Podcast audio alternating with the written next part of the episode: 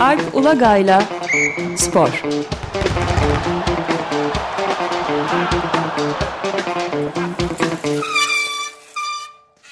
Günaydın Alp, merhabalar. Günaydın Ömer Bey. Günaydın. Günaydın Özdeş. Bu sefer bütün her konuyu biz de COP26'ya bağlamış durumdayız zaten. Sen de sporda şimdi aynı vaziyeti getiriyorsun. Harika. Aynen öyle ve COP26 paralelinde sporun e, küre, e, küresel iklim değişikliğine katkıda bulunmaması için artık maçların uzayda oynanmasına karar verilmiş. Böyle bir kolaylık. Küresel yüzde biri de zaten gönderebilirsek onların da böyle bir niyeti var anladığımız. Belki hepimiz için faydalı olur. Şaka bir yana tabii sporda hani çok büyüyen bir eğlence sektörü olarak e, tüm bunları düşünmek zorunda ve zaten COP26 paralelinde bir takım etkinlikler, para, e, paneller de var e, Glasgow'da. E, asıl bugün başlıyor. İşte bir futbol paneli var. Bir haftaya bir taraftarlar paneli var. Ben onları takip edeceğim. Ama biz şimdi bir şey konuşalım. Şimdi bu Birleşmiş, Milletler'in yani Paris Anlaşması paralelinde e, e, Sports for Climate Action e, diye bir şey var. E, bir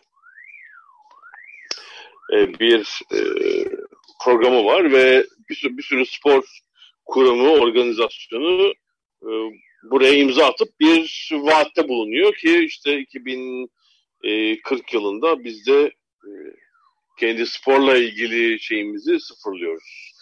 Yani net zero şeyinin altına imza atıyor. Şimdiye kadar imzalananlar arasında işte FIBA, NBA, e, Uluslararası Olimpiyat Komitesi, Formula 1, yani böyle çok uluslararası büyük küresel organizasyonlar var. Bir de bir sürü kulüp de görüyorum ben ayrıca şey yapanlar arasında, imzalananlar arasında. Yani e, özellikle tabii Avrupa merkezli e, futbol kulüpleri var, Amerika'dan bazı kulüpler var. İmzalananların sayısı da her geçen gün artıyor. E, tabii şimdi sporla ilgili, ha burada da bir beş şeyde bulunuyorlar. E, beş vaatte bulunuyorlar. E, işte yani bir e, şeyi e, e, e, bir, beş şeyin altına imza atıyorlar. Birincisi işte yani organizasyon, spor organizasyonunu bu net zero hedefleri doğrultusunda işte yapılandırmak. İkincisi buna dair bir plan yapmak. İşte üçüncüsü elbette aksiyona geçmek. Dördüncüsü bunu sürekli raporlamak. Ee, böyle bir e, hedefler bütünü var. Şimdi sporla ilgili sorun şu. Aslında dünya ekonomisi içinde baktığımızda sporun payı hala çok küçük. Yani dünya ekonomisi 85-90 trilyon galiba değil mi? Yani dünyada bir yılda üretilen mal ve hizmetlerin toplam değeri ama sporun bunun içindeki pay yüzde bir bile değil. 600-700 milyar dolar olduğu tahmin ediliyor. Ee, yani ne yapıyor? Binde sekize falan geliyor aslında. Hmm, çeşitli raporlara göre e, dünya karbon salımına katkısı da aşağı yukarı böyle. Yani spor ekonomisinin çapıyla e, küresel iklim değişikliğine katkısı diyebiliriz. Aşağı yukarı aynı. Demek ki sporun yapabileceği buradaki ekonomideki payıyla şey payını daki dengeyi bozmak. Karbon salımındaki, küresel iklim değişikliğine katkıdaki payını bozmak. E, demek ki oradaki payını mesela binde altıya, e, beşe falan indirebilmek. ilk aşamada. Sonra belki daha da aşağısı. E, işte burada tehlike şu, spor ekonomisinin büyüme hızı da uzun yıllardır dünya ekonomisinin büyüme hızının hayli, hayli üzerinde. Hayli üzerinde. Çünkü e, biliyoruz ki yani bir numaralı eğlence sektörünün bir numaralı alanı haline gelmiş durumda. Profesyonel spor. Çok büyük e, büyüme kapasitesi var. E, başta futbol olmak üzere dünyadaki kitleler sporu takip ediyorlar, izliyorlar. Bunun için para harcıyorlar. Üstelik bir de bu son 10 yıldır akıllı telefon ve paralelinde sosyal medya uygulamalarıyla acayip bir şey haline geldi spor. Yani herhalde muhtemelen belki bir iki yılları değişmiştir.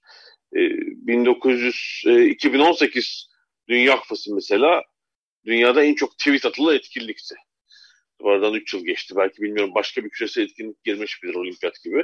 İşte 670 milyon tweet atılmıştı. Yani başka e, futbolun üzerine çıkabilen bir şey yoktu mesela e, bu yıla kadar.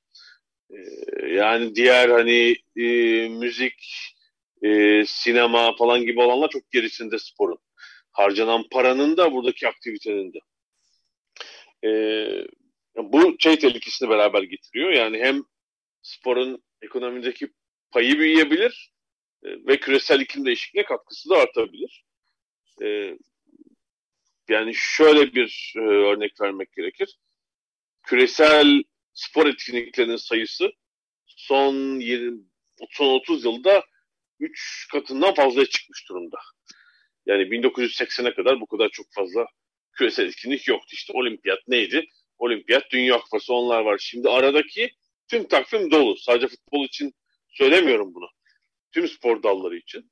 Ve bu neyi beraberinde getiriyor? Son derece yüksek sayıda bir seyahati gündeme getiriyor. Evet. Üstelik sadece sporcular, takımlar değil. Milyonlarca seyirci de seyahat ediyor tabii. Bu sebeple. Ee, ve e, mesela futboldaki e, hani şöyle eleştirilir. Ya takımlar hep uçakla seyahat ediyorlar. Yani takım dediğiniz grup işte bugün futbol takımları genişledi. Sadece oyuncuları sayamayız. Ee, belki bir 50 kişilik kafileden söz etmemiz lazım. Onlar 50 kişi ama o takım için 5000 kişi gidiyor deplasmana. Yani bir mesela hafta içi oynanan Avrupa Kupası maçından bahsediyorsak onun 100 katı. Bu, bunların tamamına yakını ya da çok büyük bölümü diyelim ve uçakla seyahat ediyordur. Yani diyelim ki İngiltere İspanya arası bir deplasman var. Yani tabii oraya aracıyla gideceğin şeyle trenle gitmek zaten herhalde pek mümkün değil. E, karayoluyla giden de pek yoktur. Yani 5000 kişilik bir hava köprüsü diyelim. 1-2 günlük bir seyahat için hatta işte charterlarla maç sabahı gidip maç bittikten sonra gece dönüyorlar. Genelde yapılan odur. E, e, bu şeylerde çok daha fazla oluyor. Dünya Kupası, Olimpiyat gibi etkinliklerde. Yani bu yıl olimpiyatlarda olmadı çünkü sıra dışı bir dönemdeyiz. İşte pandemi var vesaire ama normalde pandemi olmasaydı Tokyo herhalde bir buçuk milyon spor turistini ağırlayacaktı mesela. Evet yani ben de burada araya gireyim bir saniye izninle. Yani bu normal olmayan dönemde işte pandemiden bahsediyoruz. istisnai bir durum. Ama e, zaten iklim değişikliği konusundaki son e, bu e, hükümetler arası iklim değişikliği e, heyetinin e, bilim raporları da dahil olmak üzere bütün Uluslararası Enerji Ajansı'nın son raporları bunun mümkün olmadığını, normal bir durum olma, olmadığını ortaya koyuyorlar. Değiştirmek gerekiyor. Oysa mesela şimdi senin gönderdiğin notlardan da bakıyorum.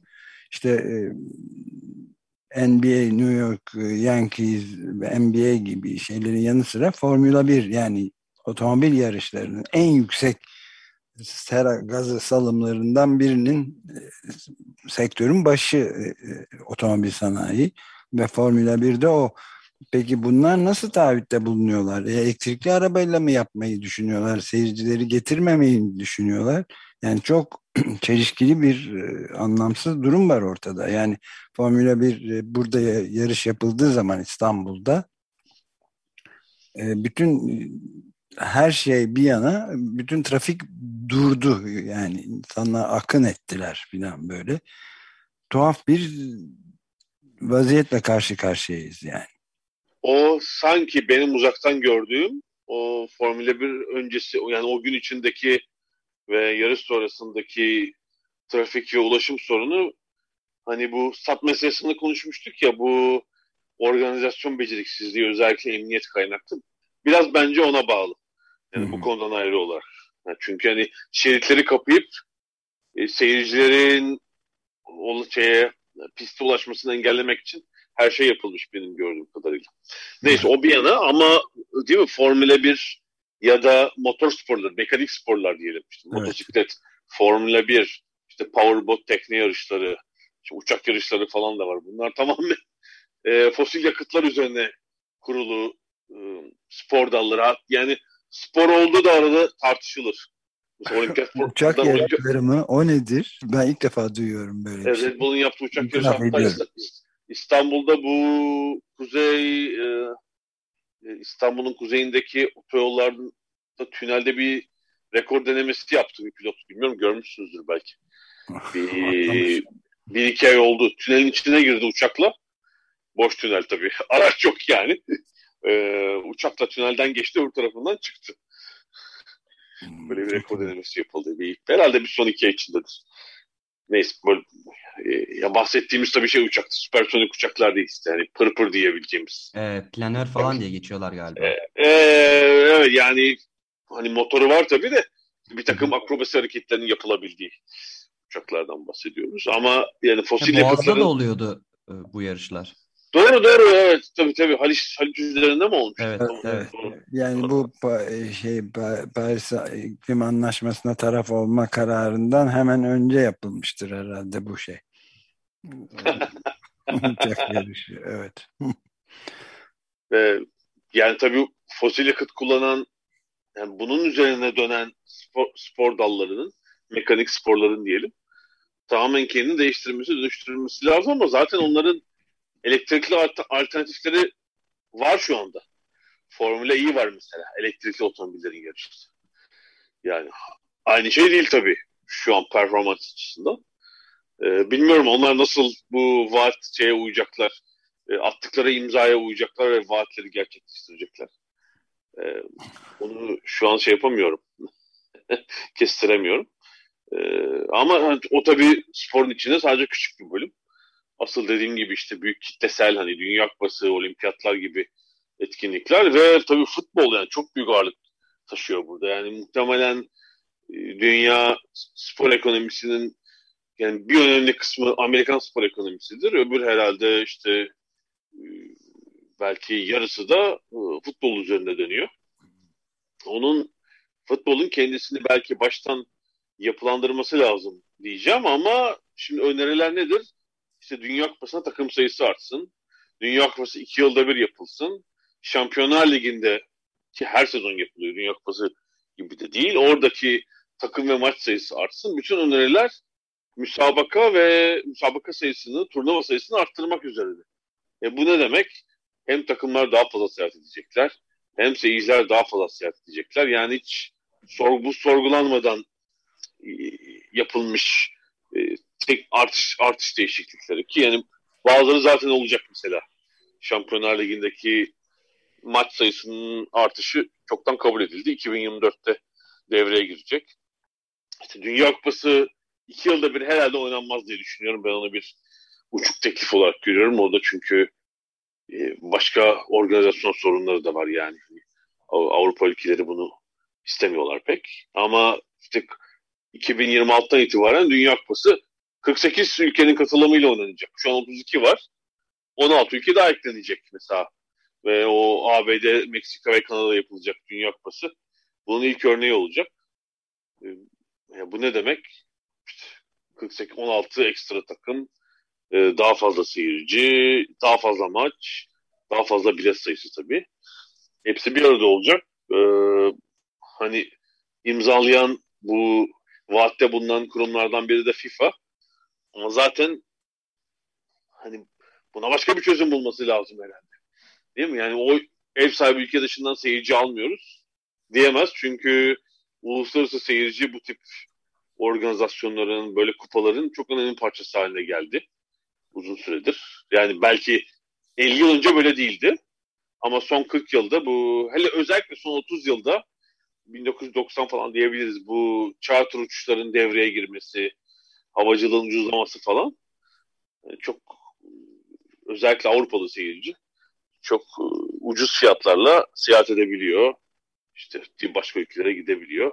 Amerika'ya seyahat belki Avrupalı açısından e, bu kadar kolay olmayabilir. Dünyanın her yerinde biraz daha zor olabilir ama mutlaka orada ciddi bir seyirci kitlesi olacaktır. E zaten Amerika içindeki e, trafiği uçuşları düşünürsek e, onun herhalde bir katkısı olacaktır. Yani bu spordaki turnuva etkinlik, maç sayısı, futbol ve diğer dallarda bunun artışı devam ederse e, bu otomatikman şey olarak yansıyacak. E, spor seyircisinde bazı alışkanlıklarını belki değiştirmek lazım. Mesela Avrupa içinde hani şu olabilir. İşte uçakla değil belli yerlere trenle gidin.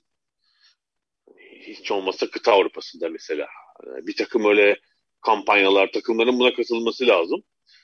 Ee, burada işte bir takım herhalde Avrupa Trena ile ilgili bir takım planlar da var. Bir 24 saat çalışacak bir Avrupa çapındaki bir tren falan. Yani tren tabii uçağın çok birebir alternatif olacak. Ee, ülke içindeki takımların seyahatleri için hep şu öneriliyor. Hani ülke içinde bari uçakla seyahat etmeyin. İngiltere bile ki biliyorsunuz coğrafyası çok ufak. Yani İskoçya'yı da ayırdığınızda Birleşik Krallık'tan bayağı ufak bir ülke oluyor. Yani herhalde kuzey güney arasında otomobille bile kaç saatte gidersiniz? 6 saatte falan gidilir herhalde güneyinden kuzeyine. E, trenle tabii daha hızlı bu seyahat ama takımlar çok daha kısa seyahatleri bile uçakla yapmayı tercih ediyorlar burada. Hiç olmazsa işte şey deniyor yani. En yakın olanları bari uçakla gitmeyi. Yani 25 dakikalık uçuşla uç, uçurmayın takımı o 50 kişiyi. Hani onu evet, Tamam mesela yani Boris Johnson Britanya Başbakanı şeyden Londra'dan Glasgow'daki COP26 zirvesine iklim değişikliği konusundaki iklim zirvesine e, tren dört buçuk saatlik toplam bir tren yolculuğuna değil ne kadar sürdüğünü bilmiyorum ama uçakla özel uçakla gitmeyi tercih etti mesela. Yani böyle bir durumla karşı karşıyayız. E sonradan mutlu terliklerini de göndertebilirdim mesela uçakla falan. Evet. Onu, onu yapmamıştır umarım. Yani o yolculuğu ben de yaptım. E, Londra, Glasgow'u bir iki kez iş sebebiyle. Birinde tabii şey oldu. Önümüzdeki başka bir tren devrildi. Biz inmek zorunda kaldık. Böyle bir aksilik geldi benim başıma. Hatta yayın, yani yayın yapacaktım e, sonrasında. Yayını böyle Carlisle şehir kasabasından yapmak zorunda kaldım falan. Böyle bir komik durum olmuştu. E, ya evet hani yine Londra Glasgow biraz daha uzun sayılabilir ama daha yakın dediğim gibi işte mesela e, Londra'dan Brighton'a falan uçakla gidiyor takım mesela. Evet. Artık yani çok yakın bir mesafe. İşte takımı yormayalım. İşte oyuncuları hele maç sonu mesela bu oturmak 90 dakikalık maçın üzerine onların işte bacağına falan iyi gelmiyor diye bir takım yani kolaylık olsun diye herhalde uçağa şey yapıyorlar. İşte otobüste otobüste video onunla uğraşmayalım diye. Bir takım böyle şeyler yapılıyor şimdi modern dönemde tercihler. Muhtemelen bu da 30 yıl önce yoktu. Yani şimdi Türkiye'yi düşünelim. Hmm. Yani benim çocukluğumda falan uzak deplasmanlar evet yani büyük takımlar uçakla gidiyorlardı muhtemelen üç büyükler yine. Fenerbahçe, Galatasaray, Beşiktaş. Ee, ama diğer Anadolu takımları hep otobüste seyahat ederdi. Şimdi onlar da muhtemelen uçağa döndüler. Mesela yani hatta çok da kaza olurdu. O zaman karayolları da problemli olduğu için biliyorsunuz tek gidiş tek gelişti uzun süre. Böyle sezon içinde futbol takımları kaza geçirir. Bayağı ölenler ölenler böyle bir sürü olay olurdu. Evet evet hatırlıyorum. Evet. Fakat iklimi değil sistemi değiştir meselesi olmadan bunu önlemek zor. Yani aktivistlerin sloganıyla söylüyorum. Çünkü bu paranın e, tamamen egemen olduğu bir e, dünya sisteminden bahsediyoruz. Bunun bu şekilde önlemenin imkanı ve ihtimali yok herhalde sistemi değiştirmeden. Öyle. Üstelik bu sistem değiş değişmezse sporda çok ciddi oranda etkilenecek bundan. Şimdi araştırmacı David Goldblatt var. O bir geçen sene rapor yayınlamıştı. Onun rapordaki bulgulara göre mesela 2050'ydi sanıyorum tarihi. Ekvator çevresindeki hiçbir yerde futbol oynanamayacak gündüz saatlerinde. Afrika yani. Bunun tabii asıl burada etkilenecek, bundan menfi tesir görecek yer Afrika. Hiç gündüz saatlerinde futbol oynamak mümkün olmayacak. Hava sıcaklığının ulaştığı e, seviye sebebiyle. Ee, mesela İngiltere'den örnek vermişti. Bu yine küresel iklim değişikliği sebebiyle bir sürü semt sahası diyebileceğimiz futbol sahası sık sık sular altında kalıyor. Sel basıyor yani. Çünkü işte nehir yataklarına yakın yerde e, daha yağışlarda dengesizlik var. E, sanıyorum buradan yine tesir görecek futbol sahalarının dediğim gibi bunlar böyle profesyonel futbol takımının statları değil. 8-9 bin sahadan bahsediliyor herhalde. Bunların üçte biri e, oynanamayacak hale gelecek mesela. Yani bu özellikle değil mi işte altyapı futbolunu, gençlerin oynayacağı futbolu, amatör ligleri e, çok olumsuz etkileyecek bu durum. Evet, bazı ülkeler de zaten katılamayacak dünya şampiyonalarına çünkü olmayacaklar onlar. O ülkeler sular altında kaldıkları için e, artık olmayacaklar. Onlarsız yapılır dünya kupaları da. Evet, yani Okyanusya, değil mi? Maldivler falan hani evet. ülkeler. Ee, FIFA'nın üye sayısı da birden azalır. Azalır. 10 üye kaybetmişiz ne oldu falan diye. O zaman o zaman belki daha sağlam düşünürler. İşte mesela golf mesela. Değil mi yani? Hani hem çok geniş alana yayılan hem de çok fazla sulama isteyen bir spor dalı. Mesela hani böyle sürebilir mi golf sporu? Bundan sonraki 30 yıl ben emin olamıyorum. Mesela yani çok hani tamamen değişmesi, dönüşmesi gereken bir alan belki. Yani e, ya belki tamamen suni alanlarda oynanacak golf bundan 20 yıl sonra e, ya da mini golfe dönüşecek. Böyle bir şey olabilir gerçekten. Yani bazı, mesela kız sporları burada konuşmuştuk daha önce. Avrupa'daki kayak tesislerinin önemli bir bölümü e, ka, karsızlıkla karşı karşıya. Yani son 30 yılda giderek artan bir eğilim bu. E, yani Alp disiplini kayakla e, kayak üzerine kurulmuş işte Avusturya, Almanya'daki kayak tesisleri ciddi bir kar sorunuyla karşı karşıya. E, önemli bir bölümü e, artık faaliyet gösterdikleri normal alıştıkları takvim döneminde e, bu faaliyetlerini sürdüremiyorlar. E, bu eğilim orada da artacak herhalde. Yani kız sporlarının da belki kar olmadan yapılması gerekebilir yani. Böyle bir durumla karşı karşıyayız. Evet, bunu konuşmaya evet. devam edelim. Zaten COP26'da bir hafta daha devam ediyor. Bu radyoda çeşitli programlarımız ve programcılarımızla bunu konuşmaya her yönüyle konuşmaya devam edeceğiz tabii. Alp galiba sürenin sonuna geldik. Söyleyecek başka bir şeyin yoksa kapatabilir miyiz? Elbette. E, haftaya konuşmaya devam ederiz. Çevre ve spor ilişkisini. İyi yayınlar diliyorum size. Görüşmek üzere. Görüşmek üzere. Teşekkürler. Görüşmek üzere.